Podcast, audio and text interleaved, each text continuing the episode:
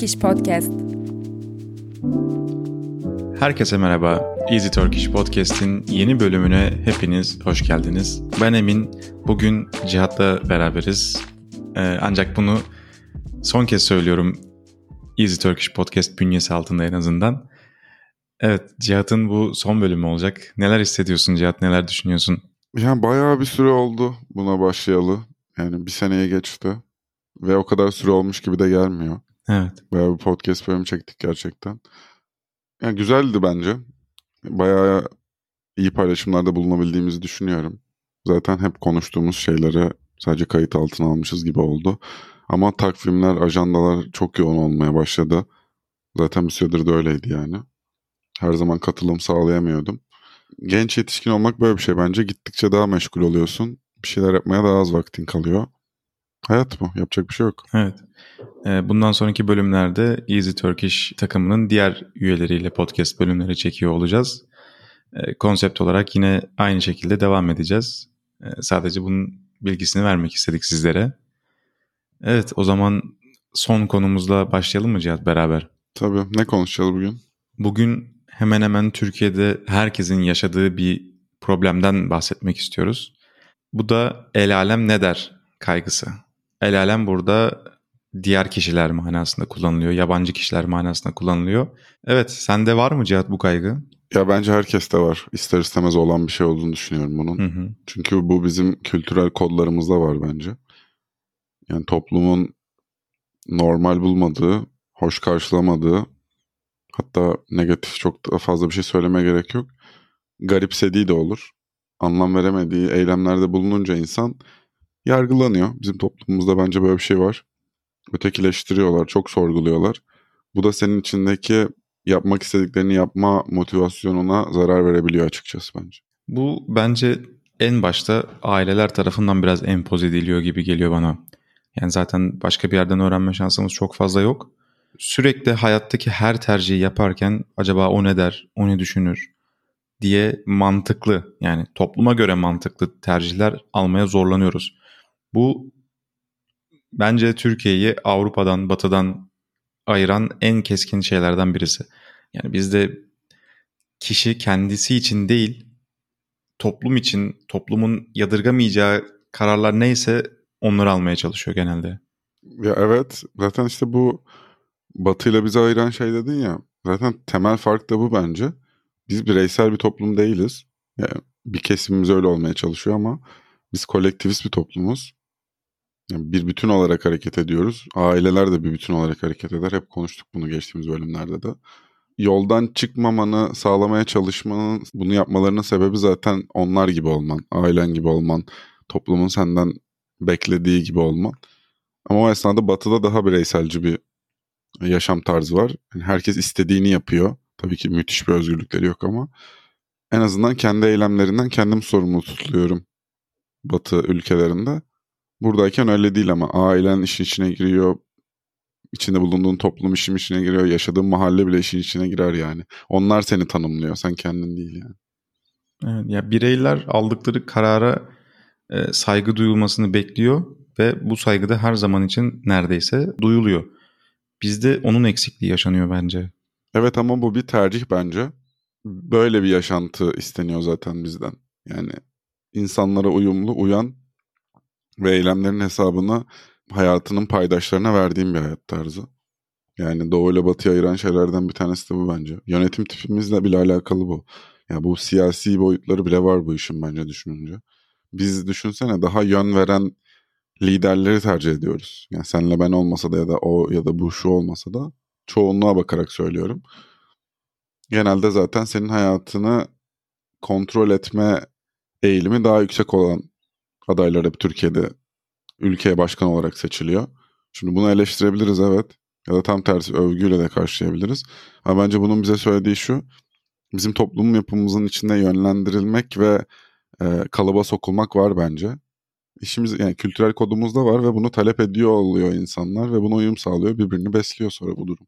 Mesela nasıl örnekler verebiliriz bu el alem ne der kaygısına? Örneğin üniversitede tercih edeceğiniz bölüm. Mesela siz çok iyi bir aşçı olmak istiyor olabilirsiniz ama ailenizden şöyle bir karşılık alabilirsiniz. erkekten aşçı mı olur ya da atıyorum cinsiyetten bağımsız gideyim ya da ya sana o hiç yakışmaz. İşte daha güvenilir, daha sağlam bir meslek sahibi olabileceğin bir başka bir bölüm mü tercih etsen?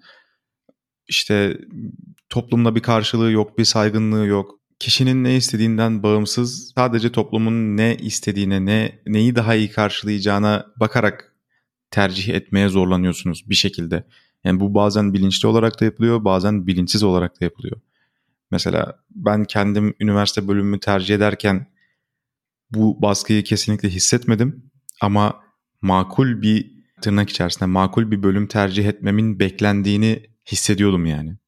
Ya bence bu büyük bir baskı ya. Evet. Hiç öyle ya sen hissetmemiş olabilirsin de insanların çoğu hissediyor. Hatta böyle aşçılık örneğini verdin ya. Onun tam zıttına bakalım. Ne okuyor insanlar ya da ne yapıyor insanlar diye. Hep benzer eylemler görürüz bu anlamda. Hukuk okur. Eğer işte eşit ağırlıkçıysa ve hayatında bir şeyler yapmak istiyorsa insanlar. Mühendislik okur. Sayısalcıysa ve puanı belli bir şeyin üzerindeyse. Tıp okur en başarılı öğrenciler.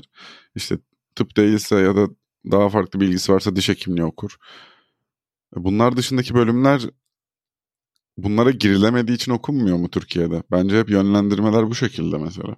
Ya tabii ki. E mesela sen hiç kimsenin hayalinin e, ben bir ziraat mühendisi olmak istiyorum olduğunu duydun mu? Yok bu konuda şu var. Zanaat diyebileceğimiz alanlarda yani aşçılık gibi hı hı. E, ne olabilir başka terzilik gibi bu tür mesleklerde diyeyim aileden bu kültürü gelmesi önemli ve bizde ekonomik bazı şartlardan ötürü aileden bu kültür gelse de devam ettirilemeyebiliyor. Avrupa ile en büyük farklarımızdan biri o bence. Şimdi şöyle açıklayayım. Avrupa'da bunu hep duyuyorum etrafındaki insanlardan, orada yaşayanlardan da. Emek çok pahalı.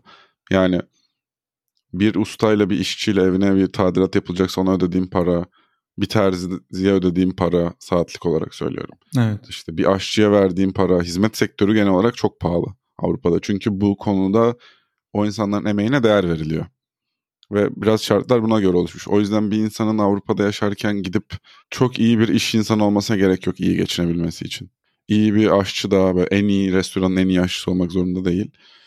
Mesleğini iyi yapan hizmet sektöründeki insanlar da iyi para kazanıyor oradayken. Burada bu durum biraz daha sosyoekonomik olarak sınıflara ayrılmış durumda. Ya benim genel gözlemim bu. Türkiye'de sen bu tür zanaatları yaparsan birincisi ailende böyle biri hiç yoksa beceremeyeceğin inancı oluyor. İkincisi de para kazanamayacağın inancı oluyor. Onlar yerine gidip daha memuriyet kafasına yakın hani girip böyle garanti olan parayı alıp bir de iş güvenliğini herhangi bir şekilde kafana takmaman gereken bir iş bulup huzurlu huzurlu yaşaman bekleniyor. Bunu yapmayan insanları bu yola sokmaya çalışıyorlar. Toplumun geri kalanı. Bu konuda böyle farklı fikirlere çok saygı olmuyor. Farklı hayallere çok saygı olmuyor en azından saygı duyulsa bile tasvip edilmiyor. Hani keşke öyle yapmasamlar başlıyor bu sefer de. Ya bizim böyle olmamızın içinde bence dediğim gibi yani politik sebepler var, ekonomik sebepler var. Yetişmemize biz yetişirken yanımızda olan insanların bakış açılarının sebebi var. Ben bunların biraz önümüzdeki yıllarda değişeceğini düşünüyorum. Biz ve bizden sonraki kuşaklar ebeveyn oldukça, bizden bir önceki ve bizden sonraki kuşaklar ebeveyn oldukça, onlar çocuk yetiştirdikçe bence bu anlamda konuşmanın başında konuştuğumuz daha batıcıl e, görüşlere sahip oluyor olacağız. Çünkü biz de öyle yetiştik biraz daha dünya vatandaşıyız gibi geliyor bana. Ama şimdilik o şeyin izi hala sürüyor yani. Bir yol var yürünmesi gereken. Bence oradan yürü. İşte emin aman şunu yapma. Bir şey derler. Bir şey derler aktif olarak birinin gelip seninle konuşması değil bu arada. Onun toplumdaki yansıması yani bu konuda hoşnut olunmayacağı düşünülüyorsa o eylemi yapmaman için seni ikna etmeye çalışır Türkiye'deki insanlar. Bu sebeple pek çok insan belki yapmak istediklerini yapmaktan vazgeçiyor. Kendine destek bulamadığı için hayallerinin peşinden gitmiyor diyebilirim. Ben biraz daha örnekler üzerinden gitmek istiyorum. En dikkatimi çeken örneklerden birisi de insanların kullandıkları cep telefonu. Yani herkeste genelde bir cep telefonunun en iyisi olması zorunluluğu ya da en markası neyse onu kullanma zorunluluğu varmış gibi geliyor bana. Bu diğer gezdiğim ülkelerde mesela benim dikkatimi çeken bir durumdu. Bizde insanların kullandığı çoğu iPhone'da mesela kamera sayısı 3. Ama yurt dışına bakıyorum herkes hala tek kameralı iPhone'lar kullanıyor. Bu da iPhone'ların eski modelleri atıyorum. 5-6 sene önceki modellerine denk geliyor zaten. O kişilerin işi ne olursa olsun, işte yıllık gelirleri ne olursa olsun buna çok fazla dikkat etmiyorlar. Daha çok ihtiyaçlarına yönelik gidiyorlar. Ama bizde mesela taksitte telefon almak ne kadar pahalı olursa olsun en üst modelini almak. Çünkü o bir imaj. Onu masaya koyduğunda insanların gözünde senin daha farklı bir konumun oluyor. Maalesef ki oluyor bence. O yüzden de eğer dikkat ederseniz Türkiye'deki insanların genelde çok kötü bir telefonları olmuyor. Ya evet doğru söylüyorsun. Bu konuda bir bazı akıllı telefonlar sınıf göstergesi oldu. Ve insanlar da bunu satın alarak gerekiyorsa kredi çekip taksit taksit ödeyerek o sınıfa dahil olmak istiyor. Ya ben bir yandan şunu söyleyeceğim. Ya bence bizde akıllı telefonların bu kadar revaçta olup Türklerin özellikle internet kullanımında da çok e, nasıl söylenir bu? Çok kullanıyoruz ya internette. Hep dataları falan Baskınız, çıkıyor. evet. Evet, baskınız gerçekten söylediğin gibi. Ya bunun en önemli sebebi ekonomik bence. Evet. Ya çünkü o bedava ya.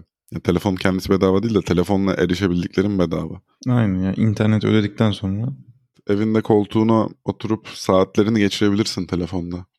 Dizi izleyebilirsin, film izleyebilirsin, oyun oynayabilirsin, sosyal medyalarda dolaşabilirsin, insanlarla konuşabilirsin. Bu konuda bir şey olduğunu düşünüyorum ben. Bizde bu kadar önemli olmasının en önemli sebeplerinden biri bizim gençlerimizin özellikle ekonomik olarak çok güçlü pozisyonda olmamasıyla alakalı. Bu birinci konu ama ikinci olarak söylediğine katılıyorum. Orada bir sürü psikolojisi var. Ve senden de bazı telefonlara sahip olman bekleniyor yoksa etiketleniyorsun. Yani bunu ben hiç yaşamadım ama bu yaşanıyor ama. toplum gözünde o algıyı anlayabiliyorum evet. Evet. Ee, bir tane daha böyle en dramatik örneklerinden birini vereyim mi? El alem ne der kaygısının. Tabii. Düğünler. Ben de aynısını düşündüm bu arada. Başlığı attığından beri biraz bunu düşünüyorum. Bence en baskın örneği bu. Şu anda e, Türkiye'deki gençlerin çoğu çok büyük bir düğün yapmak istemiyor evlenmek isteyenlerin. Sebebi tabii ki e, sadece bir gün için gereksiz tonla masraf yapılması. Ya şu anda bir düğünün masrafı e, belki 500 bin lirayı geçiyordur şu anda. E, bunun da hemen bir euro olarak karşılığını söyleyeyim ki dinleyicilerimiz anlasın ne kadar tuttuğunu sadece bir günlük masrafın. 15 bin euro falan herhalde. E, yaklaşık 17 bin euro gibi bir şeye denk geliyor. Yani sadece bir günlük masraf bahsettiğim şey. Ne oluyor düğünlerde? İnsanlar ağırlanıyor, yemek veriliyor, ikram ediliyor. Yani insanlar olabildiğince kasıntı şekilde hareket ediyor. İşte o ne takmış altın olarak o önemseniyor. İşte o ne giymiş, işte saçı nasıl olmuş, düğün arabası olarak ne tutulmuş, e, düğün nerede yapılıyor diye e, çok fazla böyle meraklı akrabaları olur insanların. Sırf onlara konuşmaları için, arkadan dedikodu yapmamaları için insanlar da genelde buna katlanır. Bu zorluklara, bu masraflara katlanır. Bence el alem ne der kaygısının en dramatik örneği Türkiye'deki düğünlerdir. Ya düğünler bunun en göz önünde olan örneği gerçekten. Çünkü şu şöyle bir düğün yapmış, bu yapmamış, şu, şu düğünde şunu yapmış, bu eksikmiş, bu şu fazlaymış. Ya bizim gibi kolektivist toplumlarda bunlar çok önemli konular. Çünkü insanlar bir araya geldiğinde bunu konuşuyor. Evet hep bunu konuşuyorlar. Yani mesela hani senede bir bayram ziyaretlerinde akraba şeylerine gidersin ya, ziyaretlerine gidersin ya. Orada Aa, düğün nasıldı, şöyleydi, çok iyiydi, böyleydi. Hani sürekli konuşulur çünkü o. Yani evet ve burada değişen bir toplum var. Değişen istekler, arzular var. Orada böyle bir mücadele başlıyor. İşte gençlerin diyeyim genel olarak. Gençlerin istediği evlilik ve düğün tipi. Bunun karşısında da biraz daha toplumun onlardan beklediği, yapılmasını gerektiğini düşündükleri şey. Bu ikisinin bence mücadelesi var. Bu arada ben şunu da çok görüyorum. Şimdi bir süredir her hafta sonu düğün görüyorum ben. Yaz olduğu için. Yani bir evet sosyal medyam düğünlerle dolu. Geçen sene de böyleydi. Bu sene biraz sayısı arttı gibi geldi bana. Aşırı modern, aşırı böyle bazı şeyler aşmış olan en azından olduğunu düşündüğüm arkadaşlarımın düğünlerini görünce böyle şey dedim. Ya buna mesela ailesi ikna etmiştir o kızı ya da o çocuğu. Hmm, Böyle hislerim oluşuyor bazen. evet. Aşırı böyle benim tanıdığım haline uzak şeyler yapabiliyorlar sırf kültürlerde var diye. Ya bu halay çekmek de dahil buna yani vurgulamak istediğim şey o. Biraz daha böyle oyun havası şeyler de dahil. O mücadele bence hayatımızda artacak düğün konusunda özellikle. Sen şunu istiyordun ama ben bunu istiyorum mücadelesi. Çünkü anneler babalar da çok işin içine giriyor. Milletin ne dediğini daha fazla umursadıkları için. Evet. Bu arada araba konusu da var bence. Kesinlikle. Ona o da benim aklıma gelmişti. Hangi arabaya bindiğin değil ama o var zaten de yani yapabileceğim bir şey yok zaten. Çok pahalı şeyler artık arabalar hayatımızda. Şu araba almış sende araba yok gibi. Bu böyle mesela Hmm, gençlerin aynen. üzerinde bir para biriktirme baskısı kurmak için yapılır. Abi aldığın araba bile yetmiyor bazen. Ar- araba dolu mu boş mu mesela? Ne, ne olarak boş mu onu anlatayım. Teknik özellik olarak. İşte arabanda hız sabitleyicisi var mı? Arabanda ses sistemi var mı? Arabanda şu paket var mı? Bu paket var mı? Seramik kaplama var mı? Hani buna varana kadar insanlar merak edip aa onu neden yaptırmadın ya yakışmadı falan. Hani senden beklerdim böyle bir şey gibisinden şeyler söyleyebiliyorlar. Bunları duyabiliyorsunuz yani. Evet doğru. Ya sonu yok bunun ya. Bir bir mücadele alanı yaratılıyor bazen. Bu araba konusunda böyle, telefon konusunda böyle. Bence düğün konusunda da böyle. Şimdi böyle bir yanı da var yani. Evet. Bizimki onunkinden daha kötü olmasın. Daha iyi geçtim hani. Onunki gibi olsun şey de var bence. Ya bu bizim toplumumuzda kendini olduğu gibi kabul etmenin zor olmasıyla ilgili bence. Evet. Yani kabullenmiyoruz yani ben böyleyim ve bundan hoşlanıyorum ve bu kimse için önemli olmamalı diyemiyoruz. Rotasız seyyah diye bir sosyal medya fenomeni var biliyor musun? Evet. Ee, dünyayı geziyor. Ee, onun kitabında okumuştum. Güney Amerika turu yaparken bir evde kalıyor. Evin misafiri oluyor. Adam diyor ki inanılmaz mutlulardı diyor. Ama mesela görseniz diyor evlerinde adamın camı kırılmış. Yani evin dış camı kırılmış. Ama tamir etmiyor. Adam gidiyor mesela on, o, oraya harcayacağı parayı e, yemeğe veriyor, harcıyor. Çünkü perdeyi kapatarak o problemini çözebiliyor. Ama mesela bizde bir düşünsene Cihat. Evde camın kırık olacak. Yani işe gitmezsin onu tamir edersin. Ya tabii canım. Yani bu tabii ki Güney Amerika'daki belki biraz daha uç bir örneği olabilir bu işin. Çünkü ne bileyim güvenlik zaafı olabilir. işte hava çok sıcak olabilir, hava çok soğuk olabilir. Hani bu tarz şeylerden dolayı o tamir edilmesin demiyorum ama insanların bakış açısının ne kadar önemli olduğunu göstermeye çalışıyorum burada. Yani Ama zaten şöyle düşünsene ben yine bir konuyu bir yerden ekonomiye bağlayayım ama her şeyi açıklayacağını düşünüyorum. Şimdi hayatı yaşamak için iki tane yol olsun ki bence aslında iki tane var. Birazdan kuracağım bağlamın içerisinde. Bir tanesi sürekli daha iyi evler, arabalar almanı sağlayacak bir yol. Bol bol kredi çekip borçlanmak mesela. Sonra yıllarca bu borcu ödemeye çalışmak. Belki sevmediğim bir işi yapmayı sürdürmek. Hadi subjektif kısmını çıkarayım. Seni e, işe bağımlı kılmak yani yollardan bir tanesi. Diğeri de çalışırken biriktirdiğin parayı hayatında iyi tecrübeler harca yani yaşamaya harcamak. Ya da belki kendini erken emekli etmeye çalışmak mantık olarak. Şimdi Türkiye'deki insanların çoğu ikinci seçeneği seçmeye çok uzaklar bence. Mümkün değil yani. Ya mümkün olmamasının yanı sıra şey değil zaten. Bir seçenek de değil. Çünkü sistem sana hep sana şunu da yatıyor. Sistem dediğim şey böyle bir art niyetli bir grup insan değil. Toplumumuz yani. Hı hı. Evin var mı? Araban var mı? İşte evli misin? Çocuk yapabildin mi? Yaptın mı? Çocukların nerede okuyor? Nasıl bir hayat yaşıyorsun? Evinde neler var? Sen şimdi burada kendini sürekli bir sınava tabi tutulmuş hissederek o sınavı başarıyla vermeye çalışıyorsun işte senin anlattığın gibi. Araban varsa arabanın işte cam tavanı var mı? Seramik bilmem nesi var mı? Aynen. Hiç şeyin üzerine düşünmüyorsun. Ben bunları gerçekten istedim mi? Ya da bana mutluluk veriyor mu? Ya da gerçekten bir işime yarıyor mu? Yani bence çoğunlukla bu sorunun sorulduğunda duyulan yanıttan hoşlanmayacak insanlar. Evet. Ya ben de bu sebeple çok şey yapıyorumdur eminim. Aşmış birisi değilim bunları. Bazen farkında olmadan da yapıyoruz. Evet. Ama yani hayattan ne bekliyorum, ne istiyorum? Yapmak istediklerimi yapmaya yakın mıyım? Ya da yapmak istediğim bir şey var mı? Bunları hiç düşünmeden millet yapıyor diye yapmak korkunç bir hayat tarzı bence. Evet. Ya ben bunu aştığımız gün ya da aşmaya yakın olduğumuz gün e, toplum olarak gerçekten bir adım daha ileriye gidebileceğimizi düşünüyorum. Yani bu demek değil ki tamamen toplumdan soyutlanmış bir hayat iyi bir hayattır demek istemiyorum. Sadece insanlar kendi mutluluklarını toplumun isteklerinden daha öne koydukları zaman gerçekten toplum olarak daha farklı ve mutlu bir toplum olacağımızın e, farkına varmamız gerekiyor. Evet tamam bunun en önemli yöntemlerinden biri eğitim. Ve eğitim sadece gidip okula gitmek değil. Ya insani olarak da kendini yetiştirmek gerekiyor.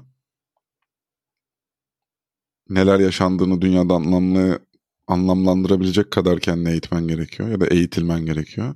Bizde bu kavramın da altı boşaltılmaya başladı çünkü anlattığımız sebeplerden.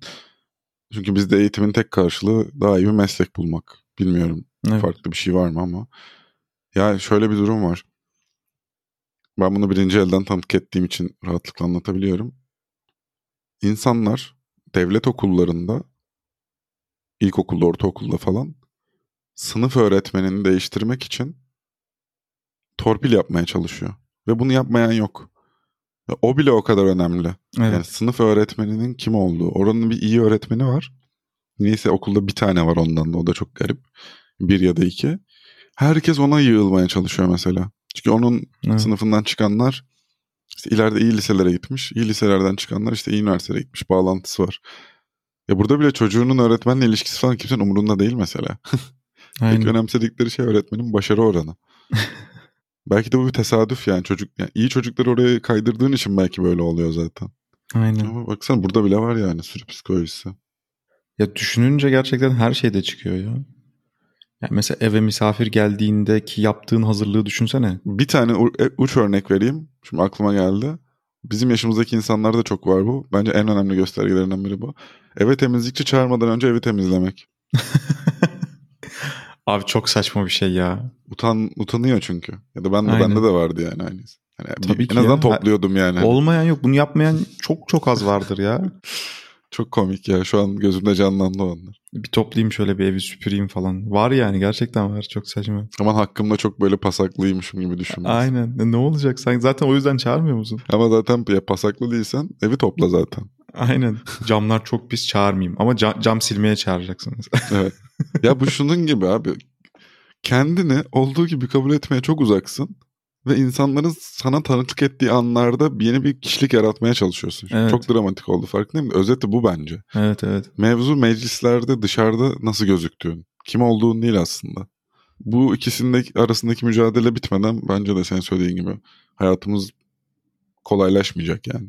Ya eve bir misafir çağırdığında mesela böyle A'dan Z'ye her şeyi en iyi şeyle donatmak. Ya tamam misafire özenilsin ben özenilmesin demiyorum ama hani o kadar da uç olmasın yani. Bilmiyorum işte her şeyde toplumun her noktasında bu artık kanıksadığımız bir şey. Bazen farkında değiliz yani bunu topluma daha iyi gözükmek için yaptığımızın. Ya bizim evlerimizde aile evlerinde özellikle şey yok mudur zaten vitrin gibi bir şey. Orada mesela hı hı. Hiç hiç kullanmadığım hiç yemek yemediğimiz evet kullanmadığımız şeyler var. Evet. Ve biri geldiğinde falan çıkıyor. Onlar da çıkmıyor. Onun bir alt segmenti falan var. Onlar çıkıyor. Hı hı. Yani çok çok acayip bir iş ya. Şu an benim evimde yok bu arada ama babamların evindeyken vardı mesela. Zaten öyle olur bence hep yani. Bizim, bizim yapmamızı bunu çok garipserim. Aynen. Ona harcayacağım parayla ne tatil falan yaparsın öyle değil. Öyle yani, bir hesap var işte ya, bizim kafamızda. Aynen düğün mesela 17 bin euro dedik ya. Abi 17 bin euroya zorlasan iki kişi 6 ay dünya turuna çıkarsın. 17 bin euro dünyanın her yerinde çok para bu arada. Evet. Bir gün için. Bir günü geç yani bir periyot için de çok zor. Çok büyük bir para. Evet. Yani insanlar 3 bin euro, 2 bin euroya falan geçinip yani rahat geçiniyorlar. Aynen. Öyle düşün. Evet. Yani tekrardan söylüyorum.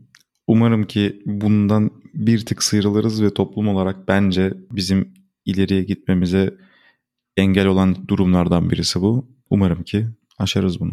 Ya bunun bu arada radikal kısımları da var katılıyorum. Ben de aynı şeyi temenni ediyorum bizim için. Ya insanlar kimliklerini baskılamak ya gizlemek zorunda da kalabiliyor. Bu cinsel yönelimle alakalı olabilir, ideolojik görüşle alakalı da olabilir. Ya biz daha böyle sosyal ve e, insanın hayatına zarar vermeyen en azından konular üzerine konuştuk. Bu işin o yanları da var. Yani bence özeti bu işin şu. Bir insanın kendi olma arzusuna engel olmamak gerekiyor. Evet. Beni ilgilendirmez. Bunu diyemiyoruz biz beni ilgilendirmez. Yani benlik bir şey yok. Bu bizim hiç kullanmadığımız bir söz öbeği. Bunu daha çok söylediğimiz zaman kesinlikle hepimizin hayatı kolaylaşacak bence. Bu arada bu en baskın bence lisede falan başlıyor ya. Okulda var bence. Okul e, kavramının Var, içinde evet. var bu bence. Bence de. Zaten meşhur ya Amerika'da falan da öyledir ya meşhur böyle filmler vardır hep işte. Kabadayı, okul kabadayısı olur. Hı, Nasıl çevirdi bilemedim. Oyunu da vardı. Ya o kavram bizde o kadar radikal bir şekilde yok ama var aslında. Çünkü birbirini en çok yargıladığın yer okul bence. Çünkü de Evet. çocuksun yani. Ailenden ne görüyorsan o. Ya ben şey hatırlıyorum ya herkeste var diye zamanında e, Converse almak istemiştim. Mesela aldık da sonra bir şey edinmedim yani ben Converse satın alabilince. Giydim ayakkabımı. Şu an konuşmasak bunu hatırlamazdım bile. Ama o dönem içten içe çok istiyordum herkeste var diye. Evet. Ya da şey Tiger ayakkabı. Hep bir ayakkabı ayakkabı buralardan çıkıyordu konumuzda. Çakma giyen falan oluyordu mesela. Yargılanıyorlardı. Aynen aynen. Ya ben hatırlıyorum mesela lise döneminde biraz daha farklı bir telefon markası kullan kullanıyordum hatırlıyor musun? O dönem ben onu savunmaya çalışıyordum ama sürekli bana e, işte iPhone'un çok daha iyi olduğu ya da ne bileyim başka markaların çok daha iyi olduğu e, anlatılıyordu mesela. Ya bu arada gerçekten doğru. Daha iyi diğer telefonlar. Ama ben mesela mutluydum. Ama sonrasında o telefonu bir daha kullanmadım. Çünkü toplumda bir karşılığı yok. Şimdi şöyle. Buna katılıyorum. Bu bu nereden çıkıyor aslında biliyor musun? Şimdi seninle benim aramda da çok olan bir şeydi. Bu bir tartışma konusuydu. Şimdi bunu çok detaylandırmayayım da şuna varıyor günün sonunda mevzu. Bir Android kullanıcıları var. Bu internette çok yaygınlar ve Android'in Hı hı. inanılmaz çok daha iyi olduğunu savunan bir kesim var. Bir de normal Apple kullanıcıları var. Onlar telefonun teknik e, kısımlarını falan çok kafa yormaz. Kullanışlılık falan önceliklidir onun için. Bir de sınıfsal boyutu var senin söylediğin gibi. Hı hı. Ben bu şeye o zamanlar o kadar uyuz oluyordum ki yani bir şey kaliteli ve kullanması basit diye yargılayan bir kesim vardı. Özellikle bizim çok takıldığımız internet forumlarında falan. Onu çok görüyordum. Şunun gibi yani. Bunun 78 tane kamerası var aslında. Bu iPhone'dan çok daha iyi. Bu 78 kamerayla bak şunu yapabiliyorsun falan. Aya Telefon kadar elime alıyorum. Evet telefonu elime alıyorum o yıllarda. Kullanması zor. Ya sen kolay kullanıyor olabilirsin. Kullanması zor. iPhone kadar içgüdüsel değil bence. Zaten iPhone'un başarılı olma sebebi bu içgüdüselliği. Yani her şeyi tıklamak istediğin yerde tıklayabilmen. O yüzden diğer telefon markaları zamanla kendini hep benzetmeye çalıştı ve beceremediği için şu anda zorluk yaşıyorlar. Apple'a karşı. Ben o zamanlar o kafadaydı. Ona o şeyi çok anlamlı. Hani bunun daha iyi olduğunu sana düşündürten nedir kavgası çok verdim ama sen onu kullanmaktan çok memnunsun diye yargılamak o arkadaşlık e, tırnak içinde içindeki bir malzemeydi yani. Aynen Orada aynen. komik olsun diye ama bu çok oluyor gerçekten. Bunun gibi muadili şeyler. Evet bunun gibi çok şey oluyor ya. Üstüne giydiğin kıyafet. Ya herkes et döner yesin. Sen tavuk döner yemek Aynen iste yine öyle. olur yani. Evet bu bölümümüzde yine bir toplumun bizce sorunlarından birini, birini derinlemesine Kanayan yara. Aynen. Evet. Çok fazla kanayan yaramız var. evet bitmiyor. Evet Cihat çok teşekkür ederiz. Hem bu bölüm için hem bir senedir beraber çektiğimiz podcast bölümleri için. Ben teşekkür ederim. Çok güzel sohbetler ettik. Seni yine ilerleyen zamanlarda konuk olarak da görmek isteriz tabii ki. Tabii ki olur. Ya ben teşekkür ederim. Ya ben bazen internette böyle bir içeriğimiz olduğunu unutuyorum. Çünkü Evet. Hayatımı doğrudan etkilemiyor ya podcast yapmak. Ama düşününce yani 50 küsür bölümdür. Düşüncelerimizi anlattığımız bir platform var. Ve filtresiz bir şekilde. Çok acayip üzerine düşününce. Böyle bir paylaşımda bulunmak. Aynen çocuklarımıza falan gösterebileceğimiz bir şey mesela. O, onu düşününce de benim çok hoşuma gidiyor. Evet evet. Bu, bu önemli bir örneklerden biri olur orada bence de. Aynen. Aynı zamanda en yakın arkadaşlarımdan biri olan senle bir sene boyunca bu şekilde keyifli sohbetler etmiş olmak da benim için gerçekten çok mutluluk verici bir şey. Benim için de öyle. Teşekkür ederim. Evet. Güzeldi. Aynen. Teşekkür ederiz tekrardan. Bizi dinlediğiniz için sizlere de çok teşekkür ederiz. Bir sonraki Easy Turkish Podcast bölümünde görüşmek üzere. Görüşmek üzere.